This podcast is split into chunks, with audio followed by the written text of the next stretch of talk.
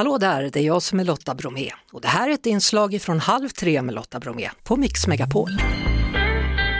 Eh, det är rötmånad och det är också en värme runt om i landet. Marie-Louise Danielsson Tam, välkommen till Halv tre. Tack ska du ha Lotta och vad härligt att höra sitt hemlands tungomål, västgötska. Ja, västgötskan är alltid med vet du. Ja, ja. absolut. Eh, man pratar ofta om den här rötmånaden, Marie-Louise. Vad, vad innebär det egentligen? Vad betyder det? Ja, det finns egentligen två olika rötmånader. Den gamla kalenderrötmånaden som enligt bondepraktikan infaller mellan 22 i sjunde och 23 åttonde. Och sen har vi då min rötmånad, det vill säga den livsmedelshygieniska rötmånaden som kan inträffa lite när som helst. Men gemensamt för alla de här är att då är det varmt och fuktigt ute Precis så som vi har det i Grythyttan idag. Mm. Du, vad är det egentligen som händer med vår mat här under rötmånaden? Alla mikroorganismer, farliga och ofarliga, lever rövare. För de älskar ju värme, de älskar fukt och näringen finns redan i maten. Så att så fort vi har någonting mellan 10 grader och 50 grader i vår mat, mm. då sätter de igång och förökar sig. Så hur gör man då? Hur kan man kontrollera matens kvalitet? För, för det måste väl ändå vara så att det fortfarande är bäst före-datum som är okej, okay, eller? Eh, ja, om du inte misshandlar maten för att förvarar du någonting med bäst före-datum på vid varmare temperatur än vad som står på förpackningen så gäller inte bäst före-dagen. Men vad det går ut på är att alltså undvika att ha kall mat så att den blir för varm. Den ska aldrig bli varmare än högst 10 grader. När, från där du lägger den på tallriken då tills du äter upp den. Och den varma maten ska vara minst 50 grader när den hamnar på din tallrik och du börjar äta. Då går det bra. Men hur ska man göra om man har köpt köttfärs i, butiken till exempel och så tar det en stund innan man är hemma, då kan det bli riktigt jobbigt. Ja, då får du tänka framåt. Ta fram din lilla kylväska, lägga i de där frysklamparna som du givetvis förutseende har lagt i frysen innan. Och sen tar du med dig det här in i affären och stoppar ner köttfärspaketen så fort du har lyft ut den från kyldisken. Mm -hmm. finns det annars något tips på hur man snabbkyler mat? Låt oss säga att vi har fått mat över som vi ska ta med oss under morgondagen då till en lunchlåda eller så. Isbad. Isbad? Isbitar, ja. ja. Isbitar finns i de flesta kylskåp i alla fall, så det är ju det absolut bästa. Annars är det iskallt vatten och häll upp maten i ett kärl med tunna väggar och ett kärn som har stor yta för att då avdunstar ju värmen mycket snabbare. Vilken mat är det egentligen som är allra känsligast? Det är i stort sett all mat för att det finns bakterier i all mat, både snälla och elaka bakterier. Och misshandlar man maten så blir det inte så bra. Men det vi märker först är ju rå mat, typ rå fisk, rå köttfärs. Nu är det ju kräfttider.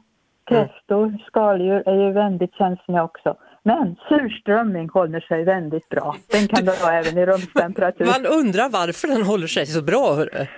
Den är så salt, den innehåller ungefär 12 procent salt. Ja. Och smakar ju ruttet från början då. Jag gillar surströmming, vill bara säga det så det inte kommer massa brev här, men jag gillar surströmming, men den är ju ja, rutten på ett sätt. Också. Ja. ja, den är fermenterad låter mycket bättre. Fermented Baltic herring. Den är jäst, ja. Ja, precis. Eh, många gillar ju picknick, eh, Marie-Louise. Hur ska man tänka då? Vågar man ta med sig mat om man är ute ett tag här? Visst kan du ta med dig mat, men tänk då på att förvara maten i en kylväska med många frysklampar. Och ta inte med den mest känsliga maten, typ röror, pastejer, potatissallad och sånt här som man har geggat väldigt mycket i med händerna och mm -hmm. som är fint fördelat. Utan tänk mer då hela livsmedel. Ett kokt ägg med skalet på är superbt hela grönsaker som man sen då kanske kan skära sönder eller i och för sig gnaga sönder med tänderna ute. Ja, men, men det betyder egentligen då att, att den här romantiska korgen då är diskvalificerad såvida den inte har någon slags frysbitar, klampar i sig då? Ja, man får väl ha romantiska dukar och linda in sina frysklampar i så att inte den andra parten upptäcker hur vardagsnära man är. Eh, frågan är då, ska man också vara extra försiktig när man äter ute på restaurang eller café eftersom man har ingen koll på där att de har hanterat maten till 100% på rätt sätt? Nej, och dessvärre så har man ingen koll på vad de har för temperatur i sina kylar heller för att jag har ju varit med om matförgiftningar som har inträffat just på sådana här ställen för att kylskåpstemperaturen då har stigit. Man öppnar dörren väldigt många gånger och det är varmt ute och den varma luften strömmar in. Så A och O är då att sänka temperaturen i kylskåpet så det aldrig går över 4-5 grader någonsin. Nej, där sa du det, vad det jag skulle fråga dig. Vad ska det vara för temperatur i kylskåpet? Ja, högst 4-5 grader. Högst? Och sen brukar jag också, när jag är ute och äter på restaurang, det är även vintertid, kolla hur det ser ut på gästtoaletten. Är det sunkigt där? Kanske det inte finns någon tvål eller inget torkpapper. Usch, ja. Ta ett annat näringsställe. Oj, oj, oj. Eh, om man nu ska åka tåg då, det händer ju att tågen står stilla i det här landet ganska så ofta, man får vänta och greja. Eh, ska man köpa färdig mat där då eller om man köper färdig mat och tar med sig, vad ska man ta med sig då? Ja, vad ska man ta med sig? Det är inte lätt att säga men rökt mat är ju alltid bra. Själv brukar jag släppa med mig yoghurt, sådana här med olika sylter i eller vad mhm. heter det, gryn. Man får inte göra reklam i radion. Men, men pasteuriserade mjölkprodukter, det kan vi säga är väldigt bra att ha med sig. Frukt är bra. Mm. Och vad jag gör ibland när jag ska åka ut och åka tåg, det är att jag finfördelar frukt och lägger i en plastburk och sen tar med en gaffel för då kan jag äta min frukt utan att bli kladdig om händerna.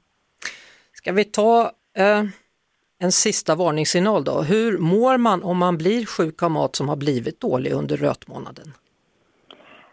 Man kanske inte märker något alls om man har tur. Annars får man kräkningar och diarré en eller två dagar och det är inte så roligt att förstöra semestern med.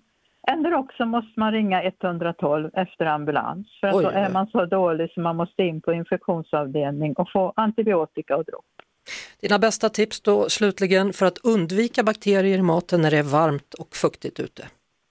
Undvik det farliga intervallet 10 50 grader, både när det gäller råa livsmedel och färdiglagade. Och tänk på hygienen, tvätta, tvätta händerna. För att vi människor har ju också massa bakterier på våra händer, i våra munnar, som kan ställa till hemska saker om de hamnar i mat. Tack, tack så jättemycket för alla dessa tips Marie-Louise Danielsson Tam. Och tack för att du var med i Halv tre. Ja, tack ska du ha Lotta. Vi hörs såklart på Mix Megapol varje eftermiddag vid halv tre. Ett poddtips från Podplay.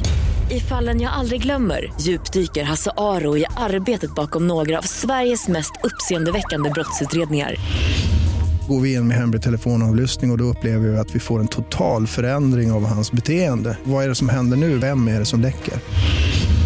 Och så säger han att jag är kriminell, jag har varit kriminell i hela mitt liv men att mörda ett barn, där går min gräns.